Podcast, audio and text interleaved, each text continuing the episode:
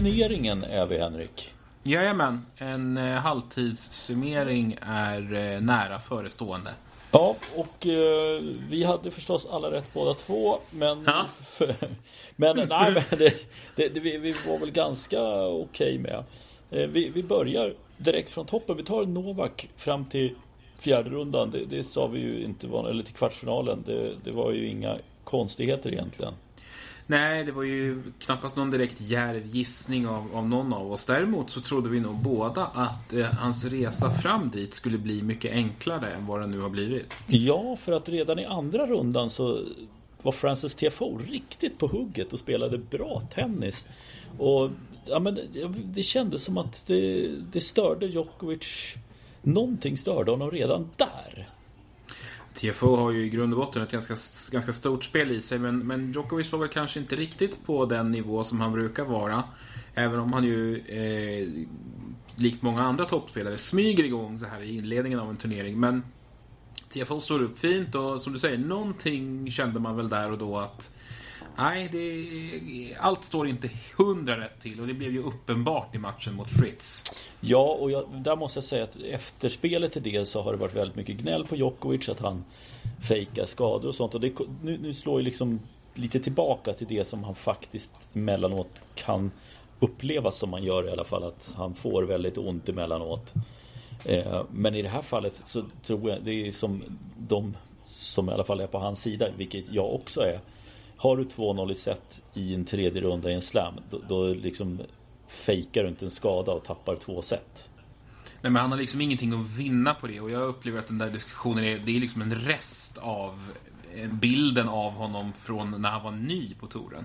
Då höll han på sådär. Då var, det, då var det ju, han sökte någon slags hjälteroll och komma tillbaka från de döda. Eh, I parti och minut och, och, och liksom sk- skulle vända omöjliga lägen. Han försatte sig ju i nästan medvetet i, i dumma sitsar liksom, för att kunna komma tillbaka liksom, som den stora frälsaren. Men det, det, vi snackar ju alltså, det är ju 10-15 år sedan liksom, som Ja. den här diskussionen var uppe. Jag upplever inte alls att, att det är en sån grej längre. Och som du säger, man, man, går ju inte, man släpper ju inte upp någon från 2-0 till 2-2 medvetet. Det är ju bara puckat. Exakt. Så att det, nej, det, det är tråkigt. Och, och efter fjärde rundan så sa Djokovic också att hade det här varit en vanlig turnering då hade jag inte fortsatt spela. Nej, och jag tror honom när han säger så. Ehm, och, och det är möjligt att en spelare som, som har lite mer rutin och kanske är en aning mer orädd än Taylor Fritz hade tagit Djokovic i det där femte setet. Nu var det, var det som någon sa, han, Fritz möter liksom inte spelaren som vi är vana att se av Novak Djokovic i femte set, utan han, han möter liksom snarare ryktet om Novak Djokovic i femte set. Det var det han fick stryk av. Inte av Ja. spelaren Novak Djokovic, utan, utan liksom av ja, men legenden om Novak Ja. Djokovic. Att det blev för mycket liksom. Att, och alla klarar ju inte det här att... eh, i- Ibland så tror jag, och jag vet att Robin Södling har pratat om det när han var på väg att slå Rafael Nadal i, i Franska öppna, att han hade något ögonblick där han säger liksom shit, vad, vad fan är det jag håller på med? Vad är det som jag Ja. håller på att ställa till med här? Och Ja. jag, är, den, jag är övertygad om att den tanken for inom Fritz huvud efter fyra set att helvete, det här håller ju på att gå liksom. Ja, jag, jag, jag tror också att det, det snurrar nog så mycket tankar där och det är så jäkla svårt mentalt och du vet att du har då som du säger legenden, legendaren Djokovic, eller legenden Djokovic är det som du liksom möter på andra sidan nät där. Ja, det är klart att det, det, det blir lite tuffare då. Även om du har två, vunnit de två senaste seten. Ja, det Eh. blir en börda i slutändan. Så är det ju. Ja, ja, det blir det ju. Där hade jag eh, gått bet faktiskt. För jag trodde att Opelka skulle vinna. Det var ju väldigt nära att han gjorde det också. Men det gjorde han inte. Jag minns inte vem jag sa, om jag sa Pelka eller Fritz. Jag, Jag, tror, jag undrar om inte du var inne på Fritz. Att det var jag Ja, som det kanske var lutade var lite mer. motsträvig. Men det var inget, inget jag har något minne av att jag drivit särskilt hårt i Nej. alla fall. Nej, Eh, men det, det var ju ingenting. Och, och båda vi hade ju faktiskt Raonic framme i, i fjärde rundan också. För han hade Precis. sett fin ut. Och eh, han, var ju inte dålig mot Djokovic heller. eh, Tycker jag. Nej, däremot så tror jag att Raonic är, Raonic är historiskt sett en matchup som passar Djokovic som handen i handsken. Sen är det ju också, en, framförallt nu, en, en spelare som jag tror att Djokovic gärna möter. Om han känner att han har en del problem fysiskt. För du behöver ju inte ta ut dig på samma sätt mot Raonic. Utan där är det mer att koncentrera sin effort på enskilda poäng.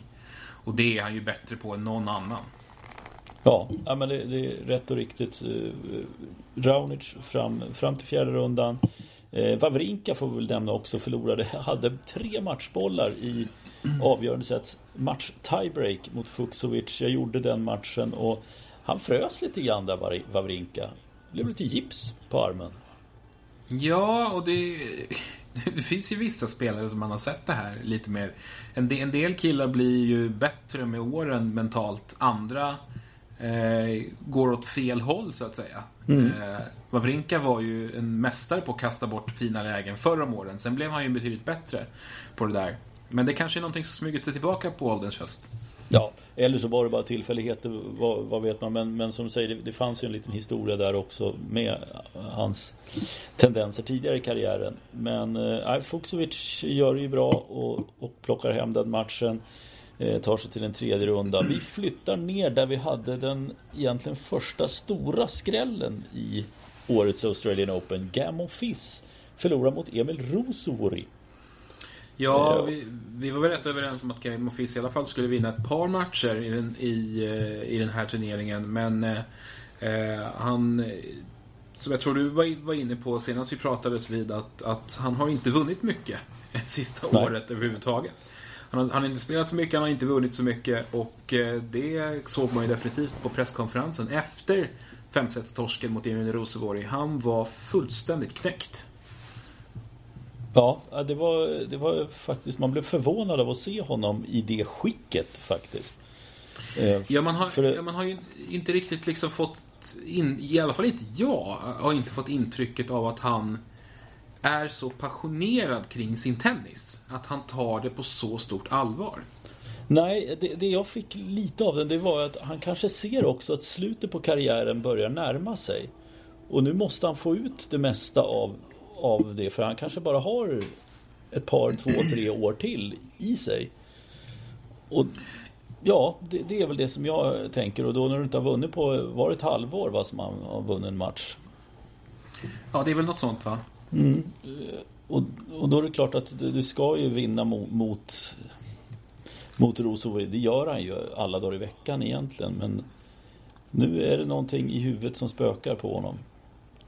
Det är ju tråkigt att se. Vi, vi gillar ju en, en slagkraftig Gadmon Fiss. Men, men kanske liksom Wawrinka så, så börjar eh, men kanske åren och tvivlen komma ikapp. Och det, det är lite det här vi pratade om. Jag vet inte om vi, vi var inne på det här för när vi pratade för två veckor sedan.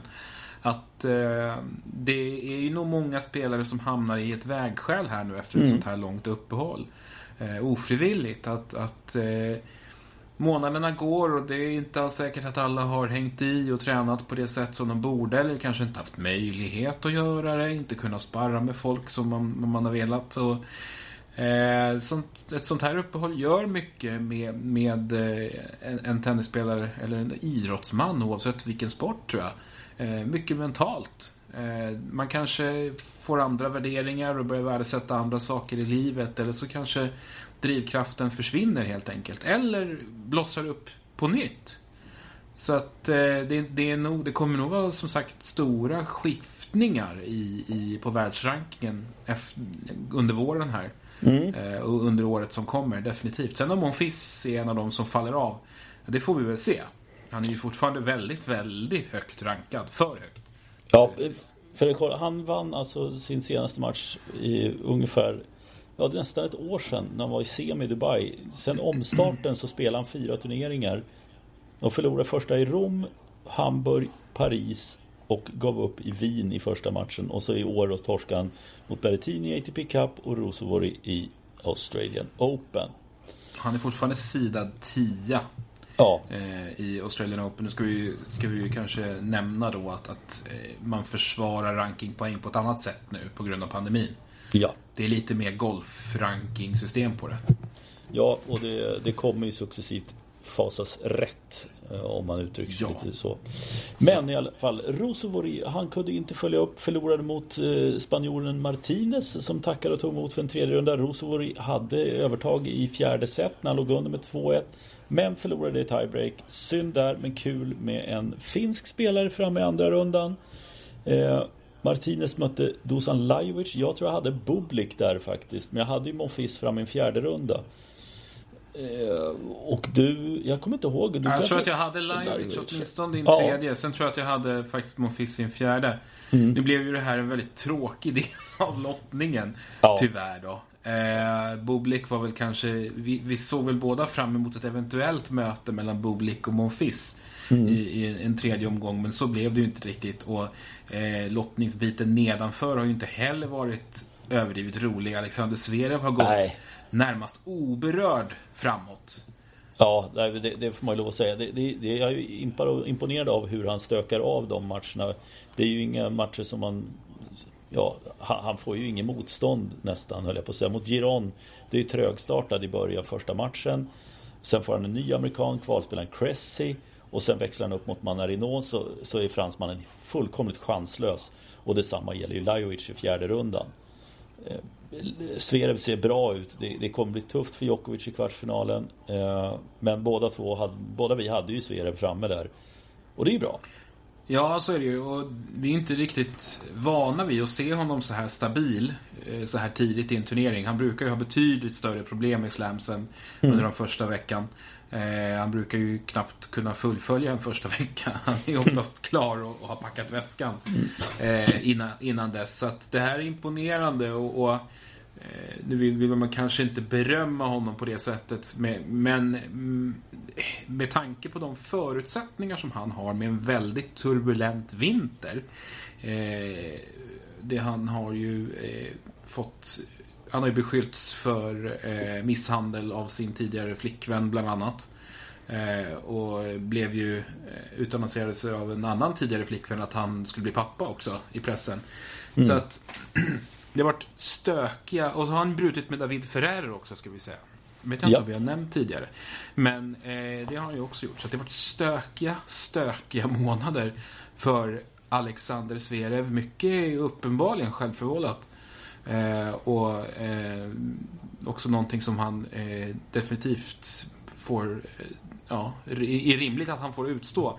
Men förutsättningarna, till, oavsett, oavsett vad och vilken värdering man lägger i det, så är det ju inte lätta förutsättningar på ett personligt plan som han har att jobba med. Eh, och med, med det i beaktande så är ju den här första veckan han har gjort, den är ju bra. Det är ju Ja. imponerande faktiskt. Ja men det är den. Det, är den. Det, det, går inte att komma ifrån. Just tennisspelet har, har sett bra ut. Sen får man ju inte lov och, man får inte glömma att han var i final i US Open. Det kan ju liksom ha lättat rätt mycket också i, i honom. Ja, det kan vara något som har släppt där. Ja. Det har i alla Eh, fall gett honom självförtroende att spela i linne, vilket jag är lite besviken över. Ja, nej, fy, Eh, nej det där. Det, Det där får han ju ta och lägga av med. Ja, det där. Det, det, de sa tydligen gillar vi inte alls. Verkligen inte. Eh, Men vi flyttar ner då och vinnaren i US Open, Dominic Thiem, han eh, fick ju en tredje runda Nick Kyrgios, precis det vi önskade och fick och det var ju eh, faktiskt riktigt härligt.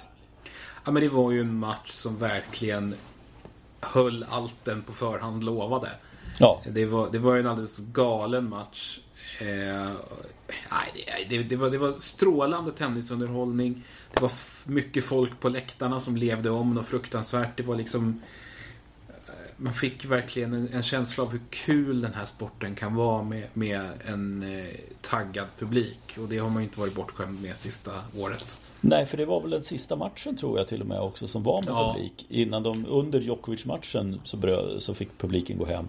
Ja, vi vill lämna där vid midnatt. Ja, eh, men eh, kul att se Kyrgios som verkligen ville vinna den här matchen och det kändes så fram till slutet.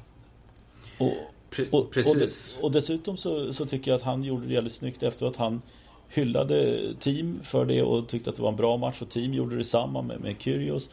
Eh, ja, men så vill man att det ska vara. Det ska vara en riktig fight där ute.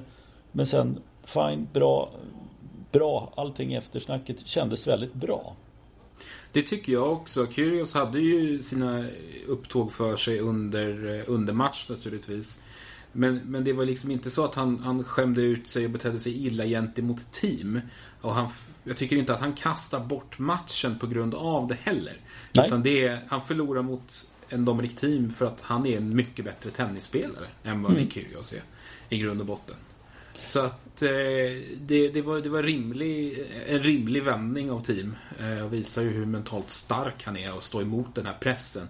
Det har ju blivit ovanligt att få en publik emot sig på det sättet liksom. Eh, numera. Men Ja. eh, det, var, det var en björnstark insats. Men tyvärr så var det sista segern för hans del i den här turneringen. Ja, för Grigor Dimitrov stod på andra sidan nät i fjärde rundan. Och där trodde ju inte vi, du var inne på att Dimitrov skulle försvinna direkt mot Silic. Jag trodde att han skulle ta sig fram. Jag trodde Carreño Busta skulle vara den som gick till fjärde rundan. Ehm, och det blev ju fel på alla håll och kanter där. Ehm, vad heter det? Dimitrov eh, gjorde, har, ben- har ju gjort det bra. Eh, De två och en halv match som han spelade fram till fjärde rundan. Sen får man lov att säga, i tredje rundan så får han Carreño Busta som ger upp efter sju spelade game med mag, eh, magmuskelskada. Eh, Och det är ju ett tema som uppenbarligen är årets i Australian Open. Eller Det är årets, årets eh, stora tennistrend uppenbarligen. Ja, för om vi tar det lite snabbt där så Carreño Busta bryter. Eh, Bautista Agut var tejpad på magen och kunde inte serva fullt ut mot Albot. Vi har Rud som gav upp, vi har Berrettini som lämnar walkover och Djokovic som har problem. Det är de vi vet om. Mm. Eh, Men eh, nu tillbaka till det här då. Så Dimitrov, han behöver ju inte spela den. Sen mot team så var det ju så. Det kom fram också att det var någonting som var fel på Timo, det bekräftar ju han sen efteråt. Han ville absolut inte skylla på någonting. Det var någonting, han ville inte säga mer än så. Var i alla fall det jag uppfattade. Ja, samma här. Och det, sättsiffrorna säger ju egentligen sig själva. Alltså det... Dominic Thiem förlorar inte på det här sättet mot Grigor Dimitrov om han är hel. Dimitrov i all ära. Eh, en oerhört skicklig tennisspelare naturligtvis. Men han har fått glida fram här lite på en räkmacka. Eh, kan man ju onekligen säga. Ja, verkligen. För att kvartsfinal är han och i kvartsfinal så hade Ja. varken du eller jag den här killen. Men du varnade för den här killen tidigt. Jag var inte alls med för jag har inte sett honom. Jag har sett lite resultat men jag har inte sett honom. Och Men satan i gatan, jag gjorde den matchen Karatsev-Schwarzman i tredje rundan. Och det var Mm. Robbie König brukar ju säga jaw-dropping. Kanske Mm. några gånger för mycket. Outrageous! Ja, och jag, jag är nästan benägen att använda de uttrycken för att det var helt sanslöst vad han blåste av Schwarzman av banan. 50 winners på tre set. Ah, nej, det var, det var helt galet. Jag såg den matchen också. Eh, jag, jag satt bara med världens flin. Eh, ja, så jag, jag var inne på honom inför den här turneringen. Eh, jag känner att det här kommer bli liksom mitt Marcus Birro avgjorde På spåret eh, moment. Det här kommer att ge mig existensberättigande som tennispoddare i åratal framöver. Att jag lyfter fram honom åtminstone till en tredje runda. Nu är han ju i en kvart då, men men det här kan ju du ändå vittna om att jag sa också att han Ja. kommer att ta Ogier Aliasim. Ja. Eh, och det gjorde han ju också. Han Ja. vände ju den matchen. Ja, för det var det, jag, jag kom in där, jag bytte av och hoppade in och började kommentera i tredje set. Ja, och då, han såg och, verkligen ingen märkvärdig ut i de två första seten kan jag säga. Nej, och, och då var det som jag bytte av eh, Niklas Rådborn. Han sa ja men det här och så kommer den här matchen efteråt så det, de papperna ligger där. Så du kan kolla på det sen. Eh, för det här, det här vinner Roger. Eh, antydde det, inte uttryckligen. Jag ska inte ta ett citat och, och hänga ut Niklas för det. Men, men han, han var säker för så som det hade sett ut så, så var det liksom spel mot ett Det mål. stod ju, ja, det stod ju 3-6-1-6 vid det, läget, vid det Ja. laget. Så att det, det var, det, jag, jag kan tycka att det är okej om Niklas känner att den här matchen är nog slut snart. Ja. Det, det var vi nog många som trodde. Men, men eh, ja, han lyckas ju vända på det där. Och man ska väl ändå, kan väl ändå känna med Ogier Aliasims final, bedrövliga finalfacit i bakhuvudet att är, det är ju en spelare som det är helt klart möjligt att vända mot. Ja. Eh, han är ju inte så bra när han är i förarsätet. Nej, uppenbarligen inte. Men sen ska sägas att det var väl, okej nu fick han lite mer gratis de två första seten för Karatse var inte var inte på tårna, han missade mycket Nej. mer. Sen började han sätta bollen och då blev det för svårt för Gerald Yassim att veta vad han skulle göra. Han fastnade lite i spelet och hittade liksom ingen plan B eller började ändra på för mycket tyckte jag, som, i alla fall som betalade sig. Nej, jag, jag, håller med. Och, och Karatsev är ju, är ju så jäkla jobbig på det sättet.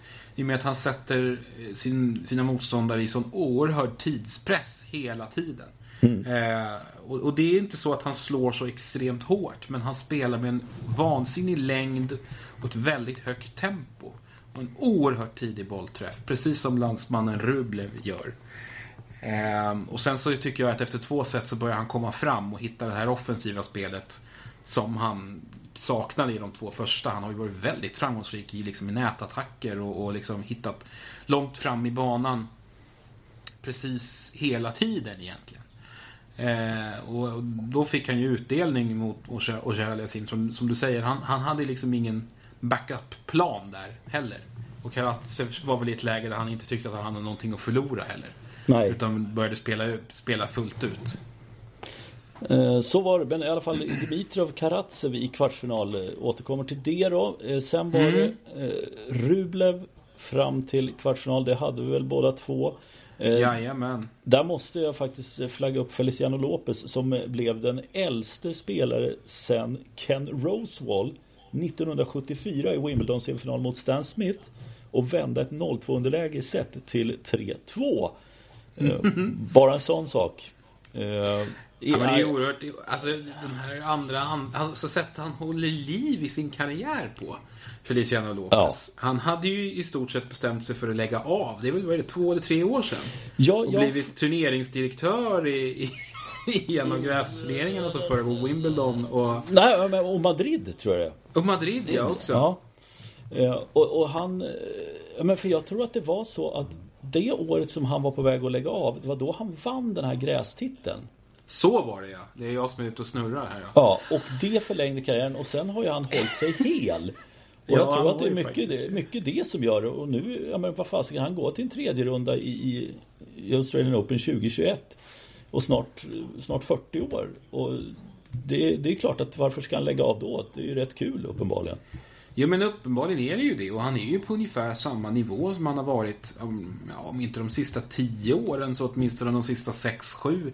Han ligger där och skvalpar kring topp 50. Han är tillräckligt bra för att slippa kvala till liksom större turneringar och ja, men folk tycker fortfarande det är trevligt att se honom spela och han är ändå hyggligt framgångsrik och Sen har han ju en, en spelstil som jag tror är hyggligt skonsam ändå för en spelare som har uppnått hans ålder.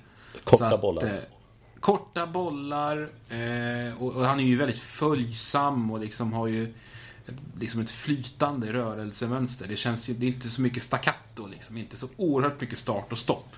Som Nej. många andra har. Utan, utan han har ju ett väldigt fint flow i, i spelet. Så att, jag inbillar mig någonstans att det kanske sliter mindre på liksom leder och, och knän och fotleder och såna här grejer. Så att, jag vet inte. Det kanske finns några år till i den gubben. Ja, man måste ju säga det, det. Han gjorde ju alltså sin 75 raka Grand Slam-turnering. Det är ju helt otroligt. 75! Då fattar man också hur bra han har vårdat sin kropp. Eh, eh, Men det, det om det. Rublev i alla fall fram till fjärde rundan och där gick han på Kasper Rud. Mm, det var det väl nog ingen av oss som trodde. Det var det inte, för vi hade ju Bautista Agut på samma, men eftersom han försvann där så gjorde Rud det som Ja, ja han, han utnyttjar ju tillfället perfekt och, och jag tycker att han gör det på, liksom, han, han spelar bra också. Nu, nu får han Jordan Thompson bryter i tredje set i första rundan. Han slår Tommy Paul 3 i set. Han slår Rado Albo 3-1 i set. Sen pressar han Rublev i andra set i morse här eh, när de spelade här, alltså måndag morgon. Eh, ork, förlorar det andra setet och då bryter han för jag gissar att det skulle liksom slita för mycket. Hade han vunnit andra set hade han säkert eh, kämpat på lite till. Men, eh, nej, men han gör ju det jättebra. Ja, men verkligen. Han, han överträffar alla tänkbara förväntningar. Sen har han ju Ja, det är klart att han har tur med lottningen. Han hade ju aldrig tagit en frisk Bautista Gutt på hardcourt. Det tror inte Nej. jag. Nej, det tror inte jag. Eh, men, men han tar ändå två, åtminstone liksom, han behöver inte spela klart mot Thompson då, som uppenbarligen inte är hel. Sen tar han ändå två hyggliga segrar där. Eh, Mot Paul och mot Albot. Inga världsstjärnor, någon av dem. Men eh, det är ju matcher som ska vinnas det också. Så att, eh, kul. En norrman i en åttondelsfinal i, i en Grand Slam i singel. När hände det sist? Det är du som är tennishistorikern av Ja, och frågan är om inte om det var så att pappa nådde fjärde runda eller om det var tredje runda som bäst. Jag är lite osäker på den saken faktiskt.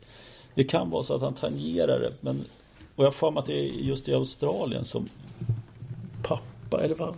Nej, det där, det där jag får, jag får Vi, vi får återkomma. återkomma om det. Ja. Eh, Då säger, börjar vi snabbt prata om nästa del så att vi glömmer bort det här.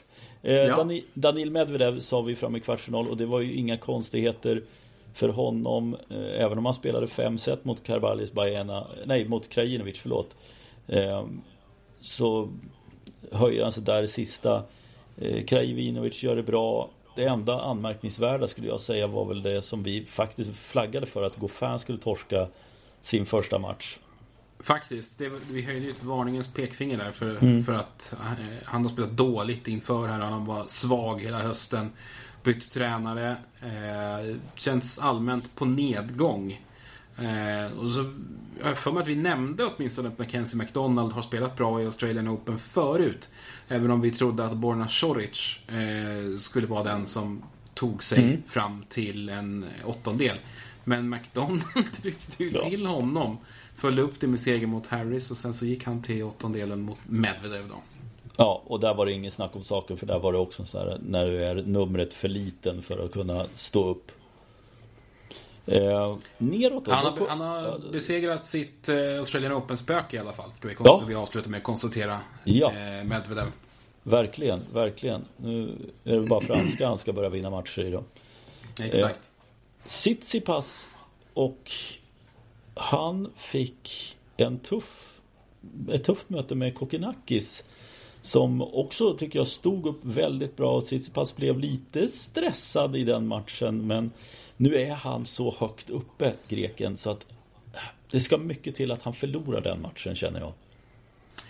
Även, även Tsitsipas har ju haft lite sådär tendenser att kasta bort matcher som han eh, man tycker att han verkligen ska vinna för att han har liksom svajat mentalt. Kokkinakis är ju jobbig på det sättet. Det är ju en kille som svårt att veta var han står någonstans med alla hans enorma skadeproblem de sista åren. Men vi minns ju när han slog igenom hur bra han faktiskt var. Det kändes Ja. ju som att han och Nick Kyrgios var ju på en likvärdig nivå då. Man pratade ju ändå om honom i termer om, men det här är ju en kille som, ja men kanske inte kan vinna slams, men det är ju liksom en topp 20-spelare. Det är ju det är en kille som liksom kommer bli en, en kraft att räkna med på, på ATP-touren. Ja. Men så, blev det ju- inte. Nej, så blev det ju inte. Han stod emot riktigt fint mot Tsitsipas och han fick ju eh, naturligtvis liksom stående ovationer. Pu- Hemmapubliken gillar ju när en av deras killar gör bra ifrån sig såklart. Och jag tycker det var kul att se honom. Man har man har känt ändå en oro för vart den där karriären ska ta vägen med tanke på hur oerhört jobbigt han har haft det. Eh, Det här var ju ett kvitto på att han väl ändå känns som att han är på väg tillbaka nu på allvar. Det var kul. Ja, hoppas att kroppen håller helt enkelt. Eh, I tredje rundan så mötte Tsitsipas en svensk. Ja, fantastiskt. Verkligen. Första gången på ett decennium som en, en svensk herrspelare är framme i en tredje runda i en Grand Slam. Mm. Eh, och Mikael Ymers stora eh, seger kom ju i öppningsrundan mot Hubert Hurkacz. En match som vi verkligen trodde han skulle få svårt att vinna. Ja. Eh, Men, men där, har, där kommer just att han, han, han kan det där. Jag- Jag är så imponerad av just det sättet han lyckas vinna på och göra motståndarna dåliga i sådana lägen. Man har, hans, hans absolut största styrka är ju hans smartness. Han är, han är ju långt mycket mer taktiskt slipad än många andra på touren tycker jag. Sen har han ju utvecklat ett jävla tålamod. Eh, han förivrar sig inte. Han har inte så bråttom. och han har utvecklat en väldigt fin förståelse för vad han är bra på och vad han ska utnyttja för att slå den här typen av spelare. Mm. Det har han ju inte alltid haft tidigare utan då har det mer handlat om att det varit en process för honom att, att liksom få ordning på alla de här verktygen som han har och kunna använda dem på ett bra sätt. Men det tycker jag att han liksom har, ser fulländat ut mot en spelare som Hurkacz. För att i grund och botten så är ju polacken en betydligt bättre tennisspelare just nu mm. än vad Micke är. Men, men det handlar ju om att kunna utnyttja det man är bra på och det är, det är ju Ymer otroligt skicklig på numera. Ja, en imponerande seger i första rundan. I andra omgången så är ju han favorit i mycket. Mm. Eh, och mot då Spaniens nästa hopp, Carlos Alcaraz. Eh, och, men där måste jag säga också, jag var lite orolig i början när han förlorade första set. Samtidigt så vet man att ja, men han kommer igång, han kommer inte men där också, jag tycker att Alcaraz ser man att det finns potential i den killen. Nu, nu ska jag inte säga att han, hur högt han kommer, men han kommer ju att klättra. Och det kanske inte blir samma resultat om de möts om två år här igen. Men han gör det bra och lyckas Ja men liksom som Inte gå in som andra utan gå in som favorit och faktiskt hålla för trycket. Eh, vilket gladde mig väldigt mycket i, i den matchen. Även om Alcaraz var ojämn. Han, när han höjde sig så var han riktigt bra. Men sen sjönk han tillbaka och gjorde en hel del misstag. Vilket Micke utnyttjade också. Så att, eh, men en, även det en bra seger från ett helt annat utgångsläge. Ja, verkligen. Det, det, det är två segrar med, med liksom he, helt olika karaktär. Ja. Precis som du, som du är inne på. Att liksom komma som ordentlig underdog i första matchen eh, och sen vara var den som är stor favorit i nästa. Eh, men jag tycker i båda fallen så hand, handlar det väldigt mycket om att liksom våga lita till det man är bra på och kunna som sagt ha det där tålamodet. Han vet att Alcaraz eh, kom, kommer att vara upp och ner och pendla i nivå och liksom, han är fortfarande en spelare som ute efter att hitta sin identitet och, och liksom hitta en, en, en nivå och, och, som man kan spela på för att nå ATP-touren på liksom regelbunden basis. Så, att, så att det handlar väldigt mycket om att lita till sina egna styrkor och kunna ha det här tålamodet. Och det är lite samma egentligen mot Hurkacz där också. Eh, och, ja, han gör det ju bra, uppenbarligen. Sen räcker det ju inte mot Tsitsipas, men det kan man ju inte på riktigt begära. Nej. Det är ändå en, en femtesidad spelare, det är en världsstjärna, en kille som kommer att vinna Grand Slam-titlar. Så ja, att, eh, nej, nej, det är inte nej, mycket att snacka om. Nej, nej det, det var klasskillnad och, och, det är liksom i all välmening inget eh, nedtryckande. Han, han kämp, stretade emot i första set men sen orkar jag inte för att det är det är liksom en, två nivåer till och det är där Tsitsipas han, han, han avspisar ju de här spelarna på Verkligen. Ymers nivå på Ja, som han ska göra. Eh, mm. En topp 10-spelare som han är. Eh, och i fjärde rundan så skulle han mött Berrettini och honom hade vi väl båda två där. Jag tror det faktiskt. Eh, möjligtvis att vi lutade åt Katjanov i något skede men kände väl att det skulle bli jämnt där. Och det blev det ju också, även om det blev tre raka set till Berrettini i den tredje omgången så var det ju tre tiebreak-set. Mm. Eh, men eh, i fjärde rundan så dyker inte ens italienaren upp. Nej, eh, var, var det så att Nadal outade att Berrettini inte skulle komma till spel heller? På presskonferensen? Det kanske det var. Ja, jag ja, fick för mig att det var på presskonferensen så sa han någonting som inte hade kommit ut då än officiellt. Eh, men det måste ju vara oerhört tungt för Katjanov som jag, jag får ju bara i huvudet det här när han mötte Sinner i US Open i första rundan var väl i höstas det. När han har 2-0 i set. Sinner eh, har kramp men vinner de två eh, set 3 och 4 och så tar det till tiebreak. Att ryssen hade förtvivlat svårt att vinna matchen. Och Berrettini var ju skadad under tredje rundan också och han lyckas inte vinna. Nej, han har uppenbarligen lite problem att knyta ihop den här säcken. Eh, och det är åtminstone två av de här tre tiebreak-seten som är riktigt, riktigt tajta. Där är det seger 7-5 för Berrettini. Mm. Mm. Eh, det är surt för Katjanov, absolut. Jag vet inte om han hade kunnat rå på Tsitsipas. Förmodligen inte. Nej. Men eh, han hade nog tagit den där eh, åttondelsfinalen i alla fall. Absolut. Längst ner då så hade vi Fabio Fognini som inte visste var han stod. Eh, och Alex de Minaur som jag har för mig att jag trodde att de Minaur skulle ta sig till en fjärde runda. Eh, det blev det ju inte för Fognini var Ja, han hade bråk med Caruso först ska vi säga, ja. andra rundan där. Eh, jag hann inte uppfatta hela den här grejen. Jag såg slutet på det här bråket men det hade ju föregåtts av någonting som Fognini hade gjort innan det också om jag uppfattade det rätt. Jag ska vara helt ärlig och säga, jag har inte heller hängt med helt hundra på det här tjafset. Eh, och inte riktigt orkat sätta mig in i det heller. Nej, för det är inte första gången. Det var ju en oerhört sur torsk för Caruso. Eh, 14-12 i femte och avgörande. Han kände nog att han hade Fognini på gaffen där. Eh, ledde ju 2-1 i set också. Så att, eh, nej, eh, segt och äh, det var grinigt efteråt. Så helt vi, klart. Vi, ja, vi konstaterar bara det. Eh, mm. Men sen eh, eh, skickar ju Fognini bort Alex de Minaur ganska enkelt i tre raka set. Och då har Deminar ändå sett rätt bra ut på vägen mm. fram där. Seger i tre raka både mot Sandgren som vi trodde kanske till och med mm. skulle kunna hota Deminar. Mm. Eh, och sen mot Cuevas då kanske lätt, lite lättare uppgift då i, i de här mm. sammanhangen. Men, men han hade sett bra ut fram till dess Deminar. Men, men eh, det, var en, det var en stark tredje runda av Fognini som verkligen har fått upp ångan vid det laget. Och han mötte ju Nadal i fjärde rundan och där pratades lite innan. Fognini är en sån som kan mm. störa Nadal. Han har gjort det tidigare. Eh, och jag måste säga att Fognini såg eh, fokuserad ut åtminstone de två första seten och var uppriktigt sagt förbannad. Han hade ju breakup. Eh, tror, jag vet, kommer inte ihåg om det var i första. I andra hade han breakup i alla fall. Jag undrar om han inte hade det i första också. Eh, men förlorade i tre raka och Nadal känns det som att han växlar upp. Man har sett det också. Tittade, fick där statistiken att servehastigheten har ökat omgång för omgång. Och nu är han tillbaka till den nivå han ska vara på helt enkelt. Ja, han klev in i den här turneringen med, med konstaterade ryggproblem. Eh, spelade ju inte under ATP Cup.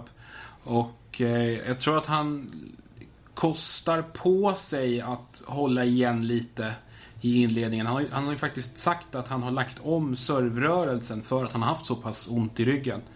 Eh, och att, bara att kunna göra det och ändå kunna spela. Ja. Det, det, tycker jag, det, där ligger ju hans storhet som spelare. Det har jag varit inne på många gånger i den här podden. Men, oh, att kunna göra den typen av justeringar och ändra sådana ändå, ändå men, så betydelsefulla, så omfattande saker i spelet.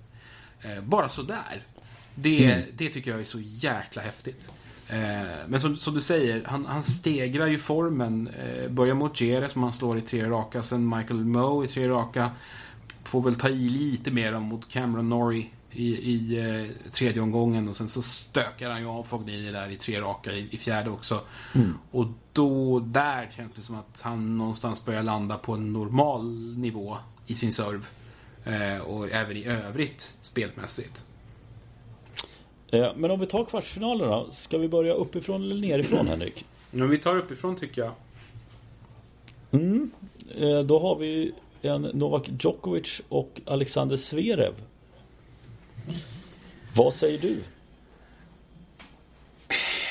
Alltså det är så svårt att säga var Novak Djokovic befinner sig fysiskt men eh, i den mån man kan prata om en, en vilomatch så var ju Raonic egentligen det. Han behöver inte förta sig fysiskt på det sättet. Han kommer att få jobba hårdare mot Zverev. Dock tror jag att Zverev har en helt annan respekt för Djokovic. Mm. Eh, och ah, jag tror ändå Novak tar det faktiskt. Eh, förutsatt att han är någorlunda hel. En frisk Djokovic kör ju över Zverev. Naturligtvis. Eh, det tror jag. Han, han, är, han är så oändligt mycket större i de här sammanhangen. Eh, jag, jag, bara åker med på din... På din eh, jag, jag, jag, tror inte, jag tror inte Zverev vågar slå Djokovic. Jag tror, jag tror inte han pallar den mentala utmaning som det innebär att, att möta Novak Djokovic i en kvart i Australian Open. Han Nej. orkar inte det. Nej, och då är Novak Djokovic i semifinal. Vem möter han där då? Grigor Dimitrov eller Aslan Karatsev? Alltså det vette fan. Jag tycker den här är skitsvår faktiskt. Eh, det är klart att Grigor Dimitrov har en helt annan rutin eh, när vi har kommit så här långt fram. Han är också en, en spelmässigt sett mycket bredare tennisspelare. Kompetent på fler områden. Samtidigt så har han ju verkligen glidit fram i den här turneringen utan att behöva göra särskilt mycket. Det är mm. avbrutna matcher och det är oväntat lätta motståndare. Karatsev har ju ändå fått spela sig hit och mm. mött bra folk och tryckt till dem ordentligt. Han har ju visat mer, mer värd den här platsen än vad Dimitrov är. Eh, ja, den är skitsvår. Men nej, jag, jag, jag har ju hållit Karatsev högt genom hela den här turneringen. Varför ska jag sluta nu? Jag säger Karatsev i semifinal. Tidernas eh, Australian Opens kväll. Eh, ja, men då, då, bara därför så går jag emot dig då. För att eh, han gör en sån här djupdykning som han gjorde de två första sätten mot Ogier Aliasim. Då blir han mänsklig och då lyckas Dimitrov vinna. Vi ska, ja, du, du, jag, jag, tror ju säkert att du har rätt. Jag vill, jag, bara, jag vill bara inte att den här sagan ska ta slut. Nej. Eh, aj, aj, aj. Eh, och, och, vi ska ju faktiskt komma ihåg att Grigor Dimitrov har ju spelat sin bästa tennis i karriären i Australian ja. Open. Året då Roger Federer vann eh, den matchen han gjorde mot Rafael Nadal. Den kunde han lika gärna ha vunnit. Som, var... som, som satt i ett halvår efteråt när han fortfarande kunde prata med Valverdou var det väl då om vad han gjorde för fel. Ja, jag tror att den gjorde mycket bra och mycket dåligt för hans tenniskarriär egentligen. Eh, ja. Nej, det, den matchen har blivit lite så sorgligt, sorgligt bortglömd med tanke på att finalen mellan Federer och Nadal var så fantastisk. Eh, ja, han var absolut. magisk. Det var en magisk match verkligen. Eh, vi flyttar neråt och då får vi en repris på US Open-kvartsfinalen. Rublev-Medvedev. Medvedev har 3-0 i inbördes och eh, det finns för mig ingenting som talar för att Rublev har blivit så mycket bättre på att hantera Medvedev. Nej, jag är helt med dig på den. Eh, jag tycker att Medvedev har en dimension i sitt spel som Rublev saknar. Rublev är en väldigt duktig spelare, men han är lite one-trick pony. Han har sitt lir och han tar med det till jobbet varje dag. Medvedev kan ställa om och justera saker i, i sitt spel som, som Rublev inte kan. 3-0 talar sitt tydliga språk. De här kan varandra utan och innan och det kommer att räcka till seger för Medvedev. Och i semifinal då, möter han Nadal eller Tsitsipas? Jag säger ja, Nadal. Jag, ja, jag säger också Nadal. Absolut. Nu är han så här långt fram ändå. Eh, och jag, jag, tycker fortfarande att, att Stefano Tsitsipas har en lite för stor respekt för spelare som Nadal och Djokovic. Mm. Eh, ja, och i semifinal då, Nadal-Medvedev. Ja, den är ju, den är ju mer intressant. Ja. Helt klart. Eh, svårt att säga. Jag, jag, jag, har inte riktigt fått grepp om Medvedev, vad vi har honom eh, hittills. När han har varit så här långt fram i en eh, slam tidigare, då har man verkligen fått en känsla av att jäklar vad han är på gång och, och vad, vad, han har möjlighet att prestera här. Mm. Men, men eh, jag har inte riktigt fått den känslan nu. Um, men jag tror han slår Nadal. Hoppla. Eh, mm. Nej men jag, jag, jag är gammal och konservativ. Jag tror att Nadal eh, lyckas plocka ner Medvedev. Så då är vi oense där. Och i semifinal då, Djokovic hade vi båda där och vi hade olika motståndare. Jag tror inte det spelar någon roll om det är Karatsev eller Dimitrov om Djokovic är i semifinal. Det tror inte jag heller. Har han tagit sig så långt Djokovic så kommer han släpa sig till den där finalen också. Det kommer han göra och i finalen så tror jag att är det Nadal så tror jag att Nadal vinner. Mm. Ja. Det var ju en riktig jäkla överkörning som Djokovic stod för mot Nadal här om året mm. i finalen. Eh, två år sedan är det väl va? Mm. Men... Ja, är det Nadal så skulle han ändå kunna göra det. Då känns det jämnt alltså. Mm. Eh, om det är Medvedev... Ah, då tror jag ändå att Djokovic klarar det där. Då, är det, då har vi väl eh, då har vi en och en halv vinnare som vi tror på då. Ja, precis. Ja men vad härligt. Ja, men det, ja. det, ska, det ska bli kul att följa det här Henrik. Verkligen. Det känns som att vi står inför en spännande avslutning. Det, eh, alltså det finns... Jag känner som att alla de här fyra kvartsfinalerna är verkligen matcher som man ser fram emot. Kanske inte Djokovic, Zverev, men Dimitrov Karatsev kommer jag sitta bänkad inför och Tsitsipas Nadal likaså. Absolut, jag håller med. Uh, nu håller vi tummarna för riktigt bra tennis sista dagarna också. Så får vi väl summera den här lilla turneringen efteråt också då. Vi hörs helt enkelt om en dryg vecka. Ja!